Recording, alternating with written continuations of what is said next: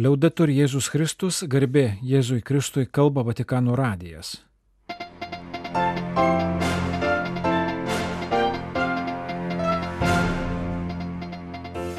Malonus klausytojai šioje programoje - popiežiaus audiencijos. Pranciškus susitiko su Italijos viskupijų nepilnamečių ir pažeidžiamų asmenų apsaugos tarnybų referentais bei išklausimo centrų darbuotojais. Kitoje audiencijoje su Italijos pediatrų federacijos ir su Italijos otorino laringologų draugijos nariais. Audiencija Irako prezidentui Sevilijos arkiviskupijoje 20 revoliucijos kankinių betifikacija.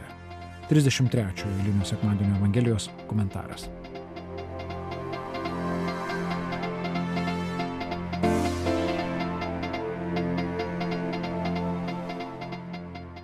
Šeštadienį, lapkričio 18 dieną, popiežius Pranciškus susitiko su Italijos vyskupijų, nepilnamečių ir pažeidžiamų žmonių apsaugos tarnybų referentais ir išklausimo centrų darbuotojais. Padėkojęs už bažnyčios Italijoje pastangas siekiant užtikrinti seksualinių nusikaltimų prevenciją, Pranciškus pasidalijo keletų minčių apie pagalbą nukentėjusiems žmonėms.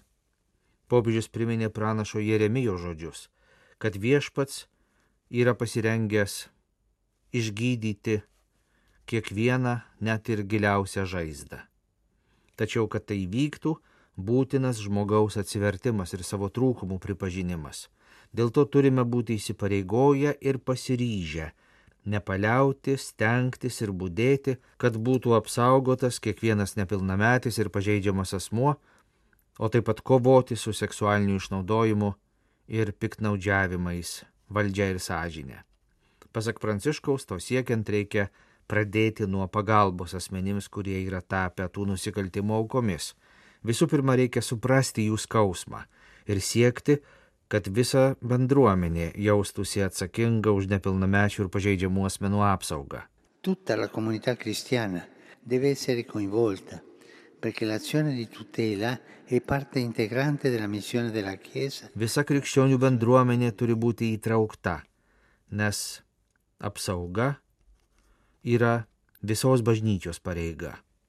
Norint suprasti nukentėjusiųjų skausmą, reikia būti pasirengusiems visada juos išklausyti.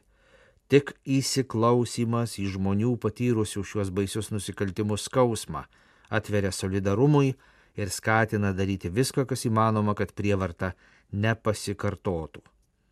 Tik rimtai suvokia išnaudojimų blogio rimtumą ir dėmesingai išklausydami aukas galime pradėti galvoti apie žaizdų gydimą. Žaizdų gydimas turi būti suprantamas ir kaip teisingumo darbas. Būtent todėl svarbu patraukti baudžiamojon atsakomybėn tokius nusikaltimus padariusius asmenys. Reikia taip pat prabilti į nusikaltusių jų sąžinę, kad jie suprastų, jog jiems tenka moralinė pareiga atsiversti, pripažinti, jog jie išdavė savo pašaukimą, siekti atnaujinti savo dvasinį gyvenimą ir nuolankiai prašyti nukentėjusiųjų atleidimo. Šeštadienio rytą popiežius Pranciškus prieėmė dviejų Italijos gydytojų draugijų - Italijos pediatrų federacijos ir Italijos otorinolaringologų asociacijos atstovus. Kreipdamas į pediatrus, popiežius sakė, kad jie yra tėvų, ypač jaunų porų, atramos taškai. Jie padeda tėvams auginti vaikus, palydė juos atliekant kilnų tėvystės pašaukimą.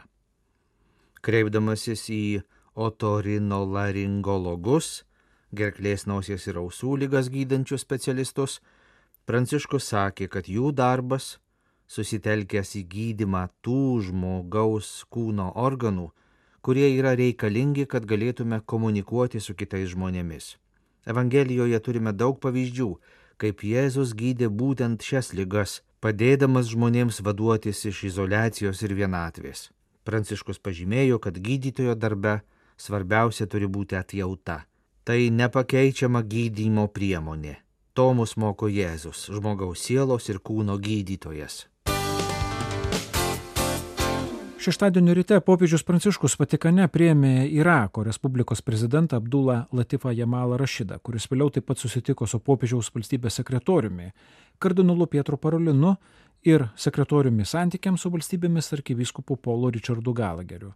Nuširdžių pokalbių valstybės sekretorėte metu įvertinus gerus dvišalių santykius buvo aptartos bendrų interesų temos.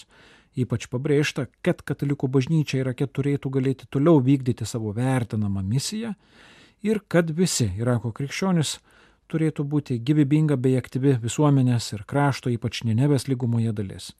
Aptarti kai kurie tarptautiniai klausimai, ypatinga dėmesį skiriant Izraelio ir Palestinos konfliktui bei netidėliotinam įsipareigojimui siekti taikos ir stabilumo.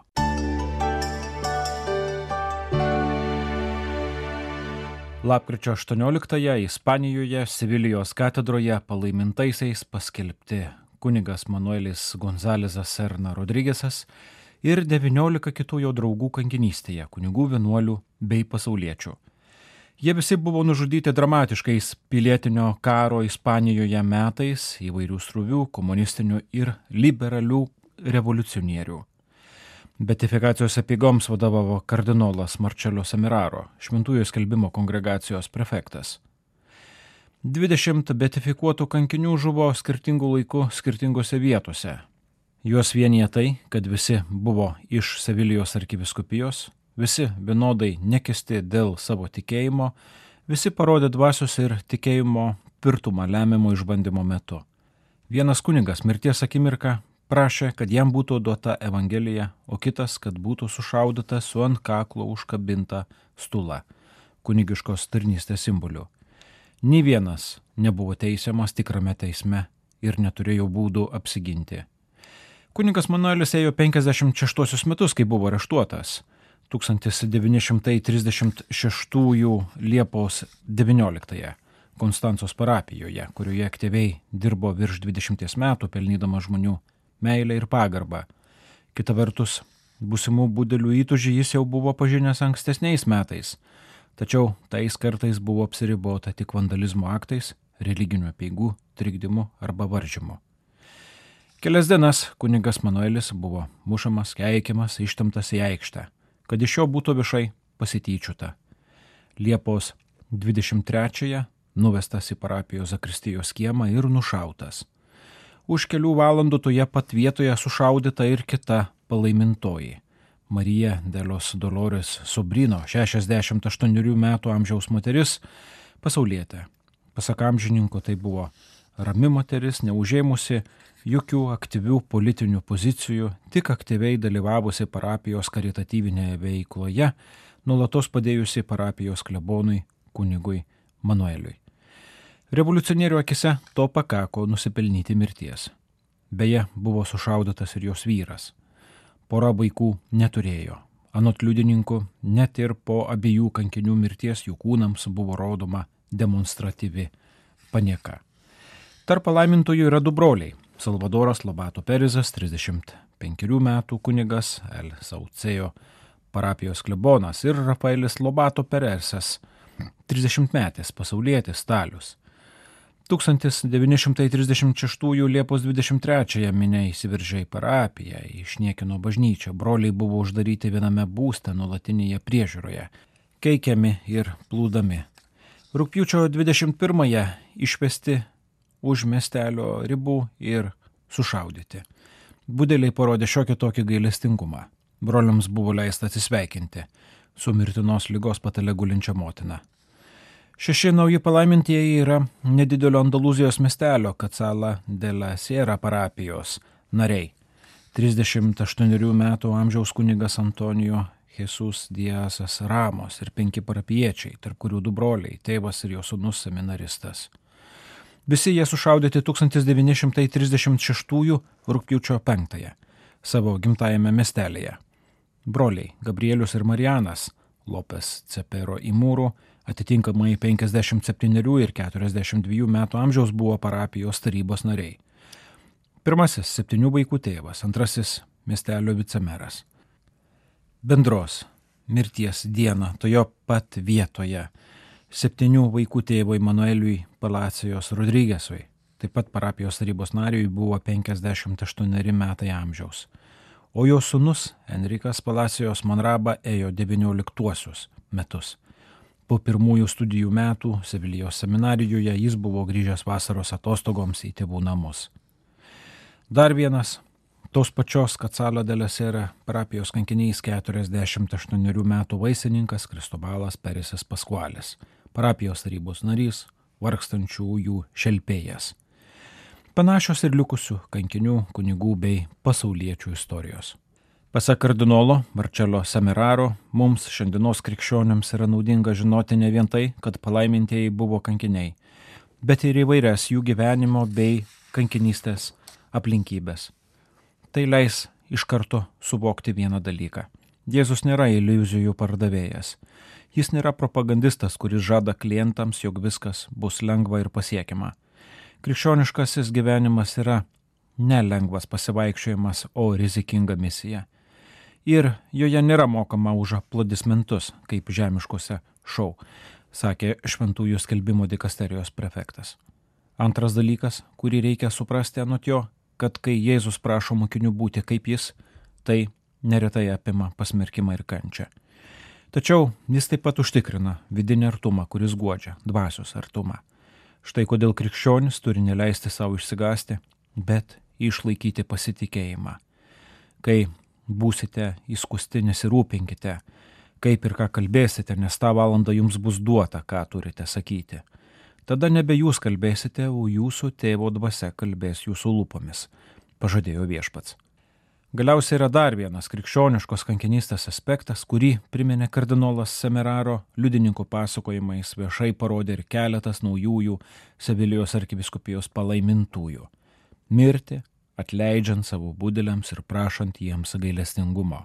Kankinys yra ne tik tas, kuris iškenčia persikiojimus, bet ir kaip Jėzus nuo kryžiaus gali ištarti - Tėve, atleisk jiems, sakė kardinolas 20 Ispanijos kankinių betifikacijoje.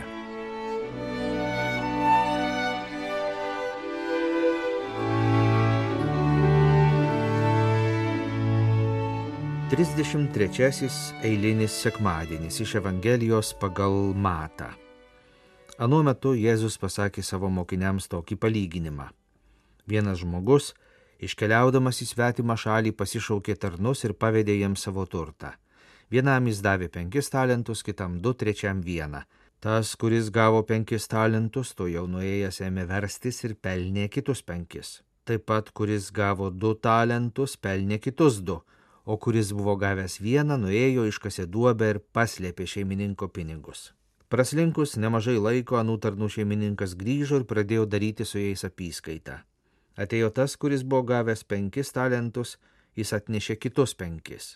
Taip pat tas, kuris buvo gavęs du talentus, atėjęs pasakė, šeimininkė davė man du talentus, štai aš pelniau kitus du. Prisertinės tasai, kuris buvo gavęs vieną talentą, sakė, šeimininkė, aš žinojau, kad tu esi žmogus kietas, šią imk kas tavo. Šeimininkas jam atsakė, blogas tar netinginy, atimkite iš jo talentą ir atiduokite tam, kuris turi dešimt talentų. Kiekvienam, kas turi, bus duota ir jis turės su perteklium, o iš neturinčio bus atimta ir tai, ką jis turi.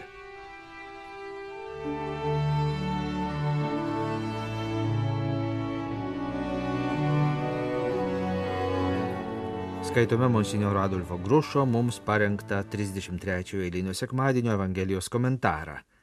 Nebijoti. Besibaigiant liturginiams metams, vis dažniau Evangelijos skaitinėje girdime paraginimą būdėti. Šiandien evangelistas pabrėžia, kad būdėjimas tai dar ir sugebėjimas tinkamai pasirinkti. Pagrindinis šį sekmadienį skaitomo palyginimo veikėjas yra žmogus, kuriam tenka leistis į ilgą kelionę. Gali būti, kad tai prekybininkas, vykstantis į užsienį verslo reikalais ir patikintis savo kapitalą tarnams. Akivaizdu, kad šeimininkas šios pinigus savo tarnams patikė, norėdamas, kad jie negulėtų tuščiai. Iš pat pradžių aišku, kad tarnai turės gauti pinigus tinkamai panaudoti ir už juos atsiskaityti. Taigi kiekvienas tarnas turi jam nepriklausantį turtą.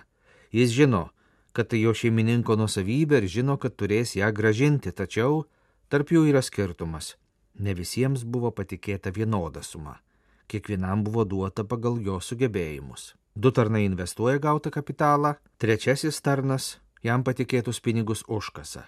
Tai nėra neprotingas poelgis. Praeitie tai dažnai pasirodydavo kaip geriausias būdas apsaugoti pinigus nuo vagių. Kodėl jis slepia turimą talentą? Tarnas taip elgesi todėl, kad lygina save su kitais. Pirmieji du gyvena drąsiai, rizikuodami, bandydami galimybės, trečiasis priešingai bijo ir todėl baimė jį stabdo. Jo širdis apimta baimės, todėl jis gyvena nejausdamas džiaugsmo, nieko nenorėdamas, jis nekuria, o tik konservuoja. Jis nežino, kad pasaulis ir širdis mums duoti ne kaip daiktai, kuriuos reikia saugoti, bet kurie padeda siekti pilnatvės. Visi krikščionys yra pašaukti būti nebrangių dalykų saugotojai, bet naujų darbų kūrėjai. Praėjo daug laiko, apie šeimininką nieko nebuvo girdėti, galbūt netgi galėjo kilti mintis, kad jis žuvo ilgoje kelionėje, tačiau galų gale jis grįžta ir nori sužinoti, ką tarnai padarė su jo pinigais. Pirmieji du tarnai pristato savo investicijų vaisius. Trečiasis tarnas pabūgo užsimti verslu, todėl paslėpė pinigus bijodamas juos prarasti ir taip užsitraukė šeimininko rūstybę. Kas trukdė trečiajam tarnui pasielgti taip kaip pirmieji? Baimė, jis nenori suklysti, nenori priimti neteisingų sprendimų, bijo būti teisiamas, jis nori viską kontroliuoti, nori būti užtikrintas, bet taip elgdamasis pralaimi viską. Žinoma, jei būtų rizikavęs, jis galėjo prarasti pinigus, nes niekas negali tokiu atveju garantuoti sėkmės. Tačiau jei nerizikuojame, mirštame. Tai ir yra šventumas - drąsa rizikuoti tuo, ką turime. Gyvenimas bijant bausmės paverčia mus nenaudingomis davatkomis, tuo tarpu šventumas reiškia, kad gyvename kaip Dievo vaikai. Gerą reikia daryti iš meilės, o ne iš baimės. Kokia prasme gyventi kaip šventiesiems vien dėl to, kad bijome pragaro? Atrodo, kad daug mūsų bendruomenių taip ir gyvena, stabdomos baimės, kartojančios įprastus veiksmus ir tingėdamos imtis ko nors naujo. Daugelis krikščionių supainioja nuolankumą su atsakomybės atsisakymu, taip palaidodami brangų talentą, kuris jiems buvo duotas kaip dovana. Vis dar yra daug krikščionių, kurie Dievą įsivaizduoja kaip negailestingą buhalterį, iš dangaus barstantį malonės ir lengvatas pagal įgytus nuopelnus, arba kaip kelių policininką, kuris mėgaujasi baudomis už kiekvieną mūsų nusižengimą. Laimiai tai ne tas Dievas, kurį apreiškia Jėzus iš Nazareto. Jėzaus Dievas yra aistringas tėvas, kuris mumis pasitikė patiki mums brangų lobį ir palieka jį mums. Nuo mūsų priklauso, ką su šia dovana padarysime. Mums duotas talentas yra mūsų gyvenimas, kuris turi nešti vaisius, bet tam reikia išdrysti ir surizikuoti. Vienintelis mūsų priešas baimė. Viskas įmanoma tiems, kurie tiki, bet nieko nepasieks tie, kurie bijo.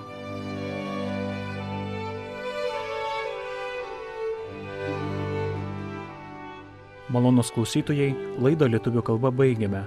Kalba Vatikano radijas, garbė Jėzui Kristui, liaudėtur Jėzus Kristus.